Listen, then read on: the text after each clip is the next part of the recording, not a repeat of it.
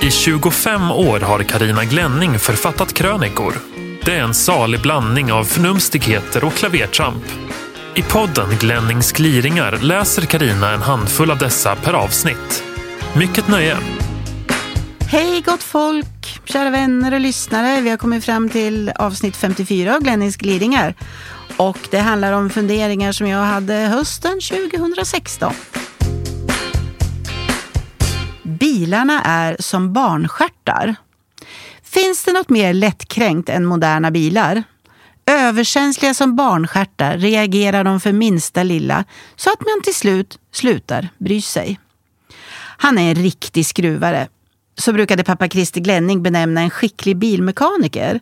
Själv var han en hyfsad skruvare och krävde att jag skulle behärska det mest elementära på min första bil, en Datsun Cherry. Som att byta lampor och tändstift, kolla olja, skifta däck och fixa ytrost i plåten. Det var tidigare. I jämförelse med dagens bilar måste man säga att dåtidens var väldigt begripliga. Snart är hela motorhuven på nya bilar plomberad. Det enda man kommer in i är bränsleöppningen. Allt annat krävs det märkesverkstäder och specialverktyg för. Allt mindre mekanik, allt mer avancerad elektronik. På min Datsun tog det någon minut att byta halvljuslampa. Men pajar den på min Renault Scenic kan jag inte byta den i mörkret längs landsvägen. Oh nej, den måste lämnas in på märkesverkstad eftersom i princip hela fronten behöver monteras ner.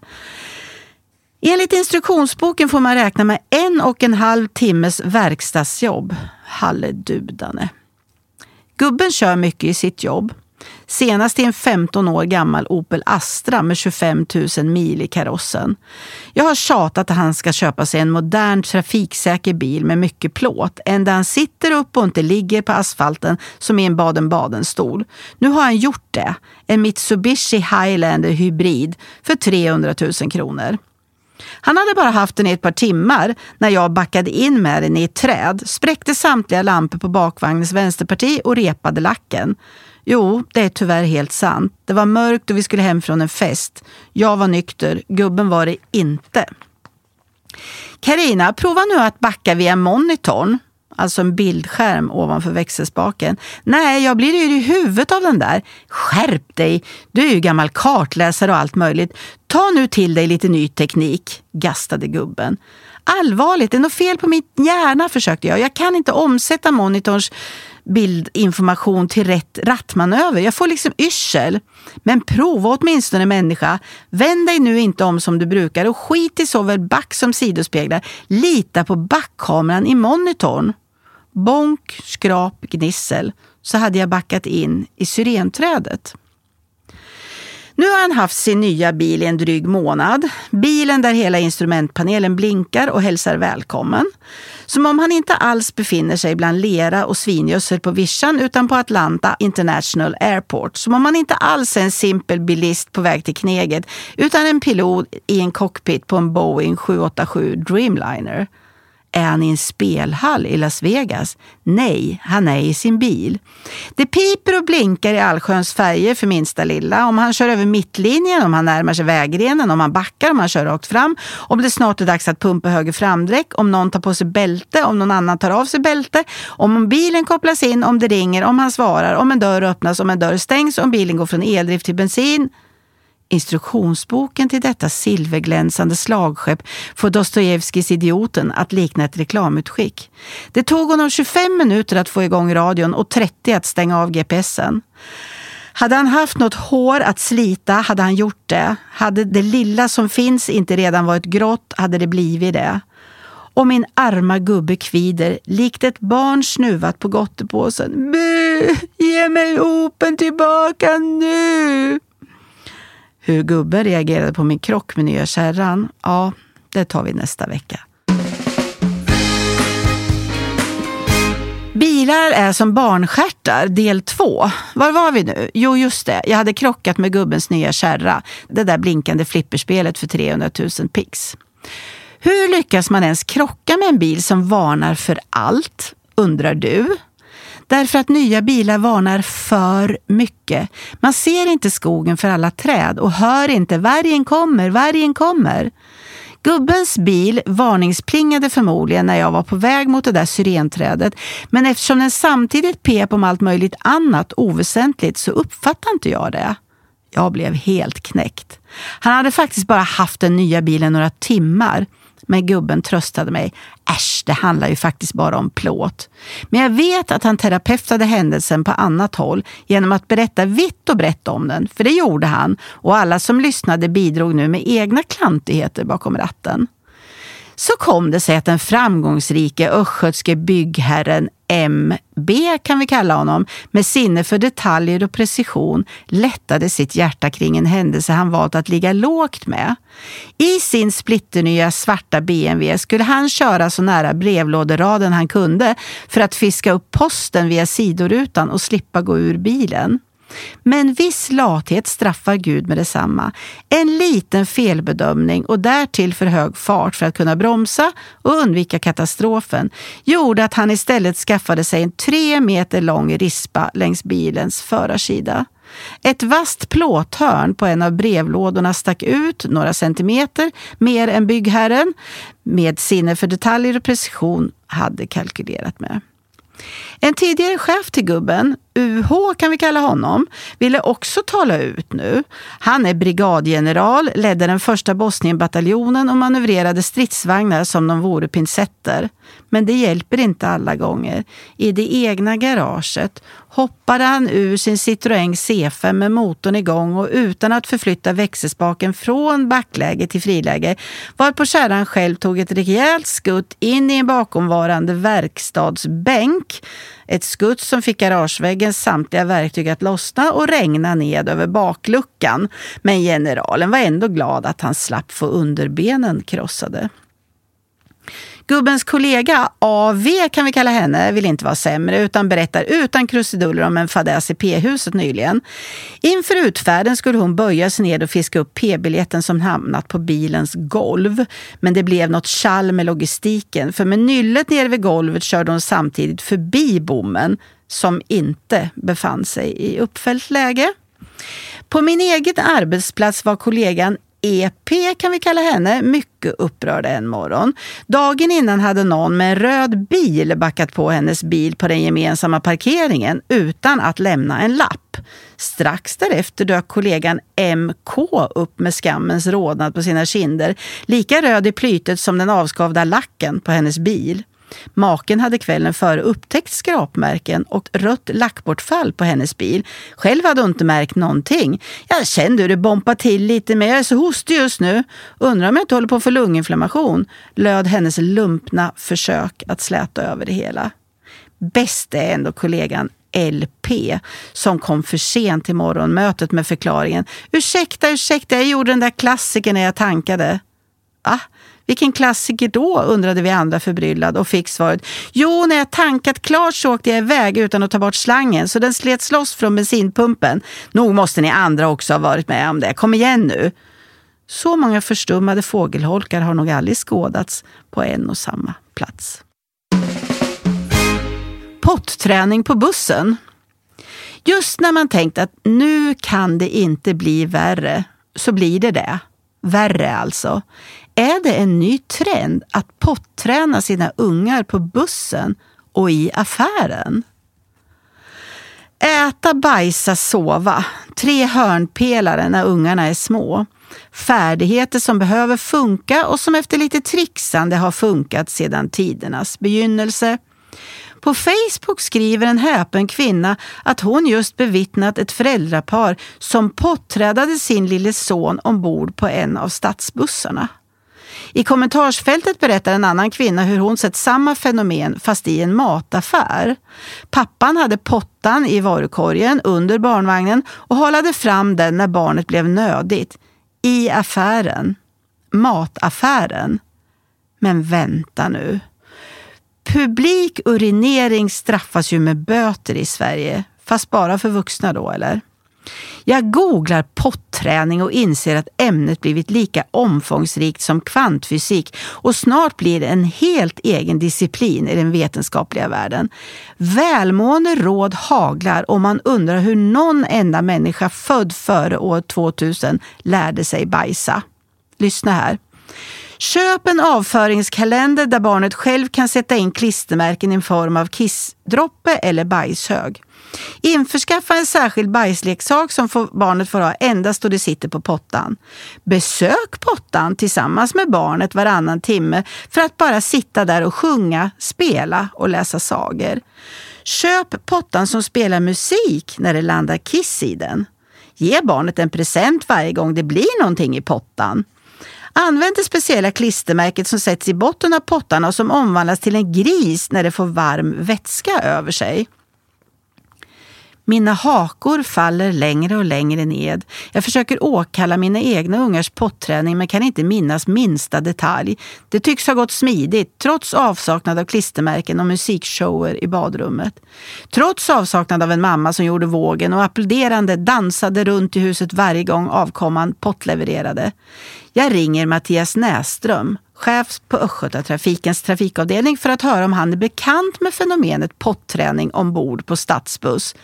Nej, jag har varit i branschen i 16 år och mycket märkligt har hänt under årens lopp men inget som kan mäta sig med detta. Det är synnerligen olämpligt. Dels är det oansvarigt mot det egna barnet och medpassagerarna. Dels är det en säkerhetsrisk. Tänk om chauffören tvingas tvärnita när ett barn sitter på en potta i mittgången.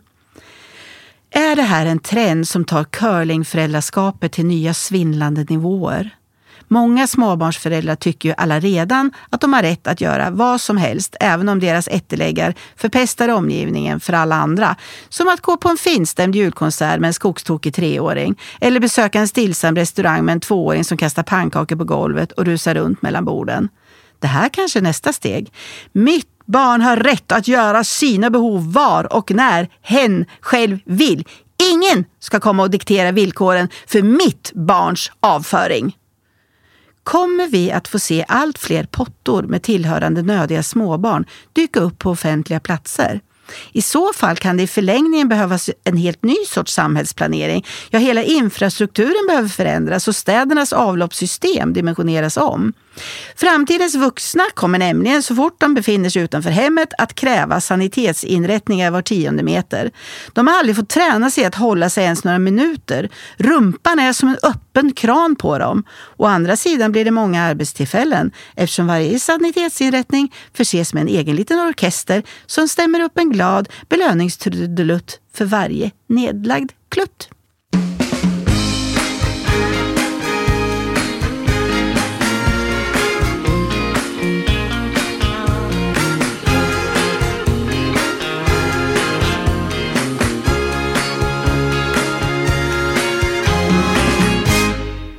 Beskådar ett blöjuppror.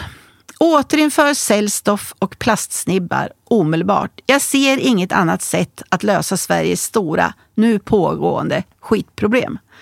Förra veckans krönika om föräldrar som pottränar sina barn på exempelvis bussar innebar en ofrivillig djupdykning i svensk blöjhistoria och avföringstradition. Jag raljerade kring att detta kanske är en ny trend och så visar det sig att det är det. Från olika håll har jag nu blivit undervisad, ibland ganska bryskt. Eftersom ni läsare sannolikt är lika ålderstigna som jag ska jag i sann folkbildningsanda dela med mig av mina nya lärdomar. Vi snackar alltså om en blöjrevolution. Häng med nu. På 1980-talet och dessförinnan hade barnen blöjor tills de var ett och ett halvt till två år. Idag har de blöjor tills de är tre, fyra år.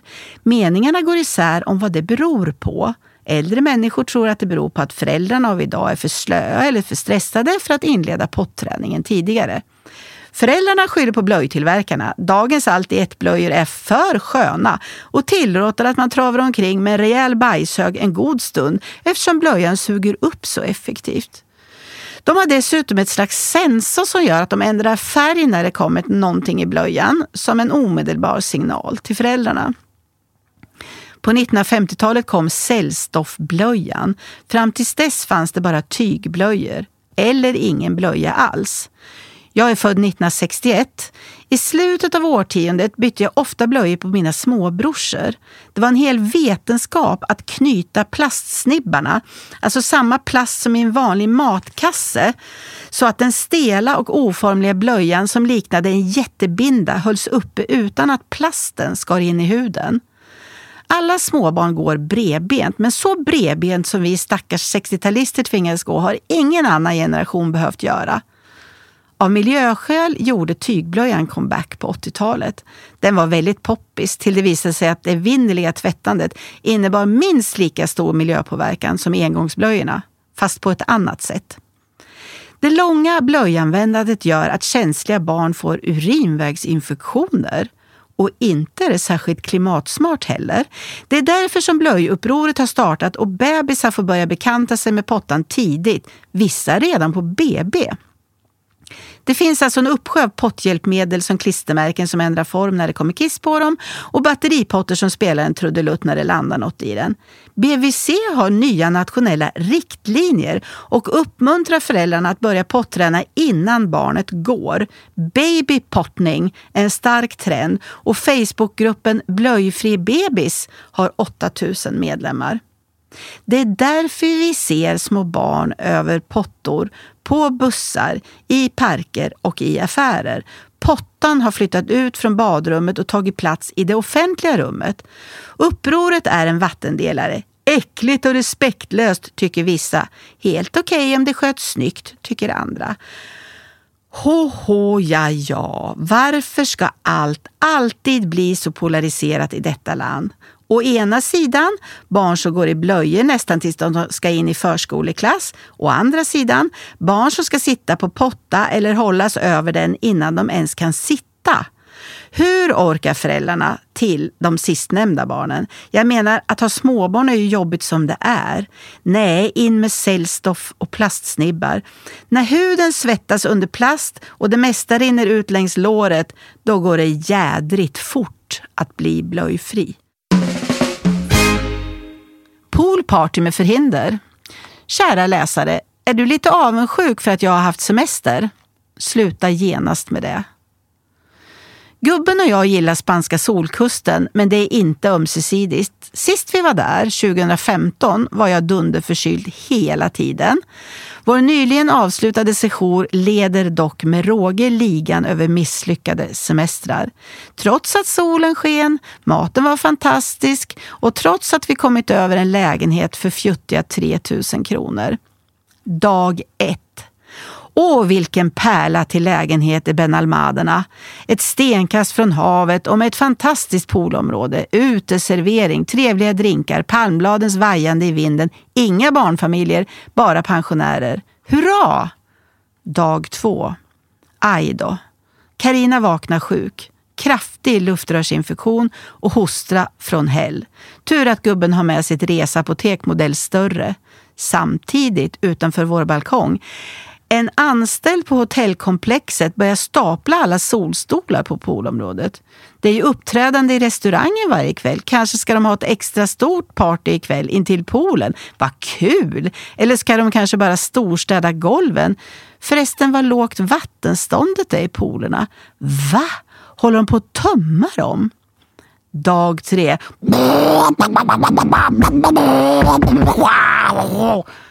vaknar av ett öronbedövande oväsen, tittar ut och ser genom byggdammet en grävmaskin som tagit plats i en av de tömda poolerna och nu bilar borrar upp poolkanten med 300 slag i minuten. Vi frågar snyftande hotellreceptionen när poolvattnet kommer åter och får svaret i februari. Vi kontaktar lägenhetsägaren som är totalt ovetande om att hela poolområdet på 8000 kvadratmeter ska byggas om. Dag fyra. Tittar ut från balkongen. Allt är stenmassor, damm och förödelse. Vårt hotell är en avspärrad byggarbetsplats. Dammet ligger tjockt och oväsendet från grävmaskiner och lastare gör det omöjligt att vistas på balkongen. Karina är sämre och ordineras penicillin. Dag fem. Börjar få svårt att hålla modet uppe. Undersöker om vi kan fly till ett annat hotell. Dag sex. Åker till Närsa, 10 mil norrut. Har tur och får ett rum på hotell Balcon de Europa med balkong mot havet. Närsa, denna pärla. Om du hamnar där, be om rum 713 eller närliggande. Vi vill stanna flera nätter men får veta att korridoren på plan 7 ska renoveras och våningsplanet därför stängas av. Vi får nöja oss med två nätter. Dag 7. Karina sämre och får kortison, infektionsastma och inhaleringar. Karina grinig för att hon inte kan sova på grund av hostan. Gubben grinig för att han inte kan sova på grund av Karinas hosta. Och när hon inte hostar, hennes snarkningar som enligt gubben kan väcka döda. Dag 8 till 9. Återvänder till Belmandanerna, gläds åt besök av vänner som nog trott att vi överdrivit läget. Nu kan de konstatera att vi snarare underdrivit för att inte skrämma bort dem. Deras besök räddar sannolikt vår vänskap. Dag 10. Hostar som en dåre. Gör en utflykt till brittiska Gibraltar, hälsar på aporna och käkar fish and chips. Fin, fin tur. Dag 11. Flyger hem, hålögd av sömnbrist, summerar. Kan det bli så mycket värre? Nej, men vi hade i alla fall tur med vädret.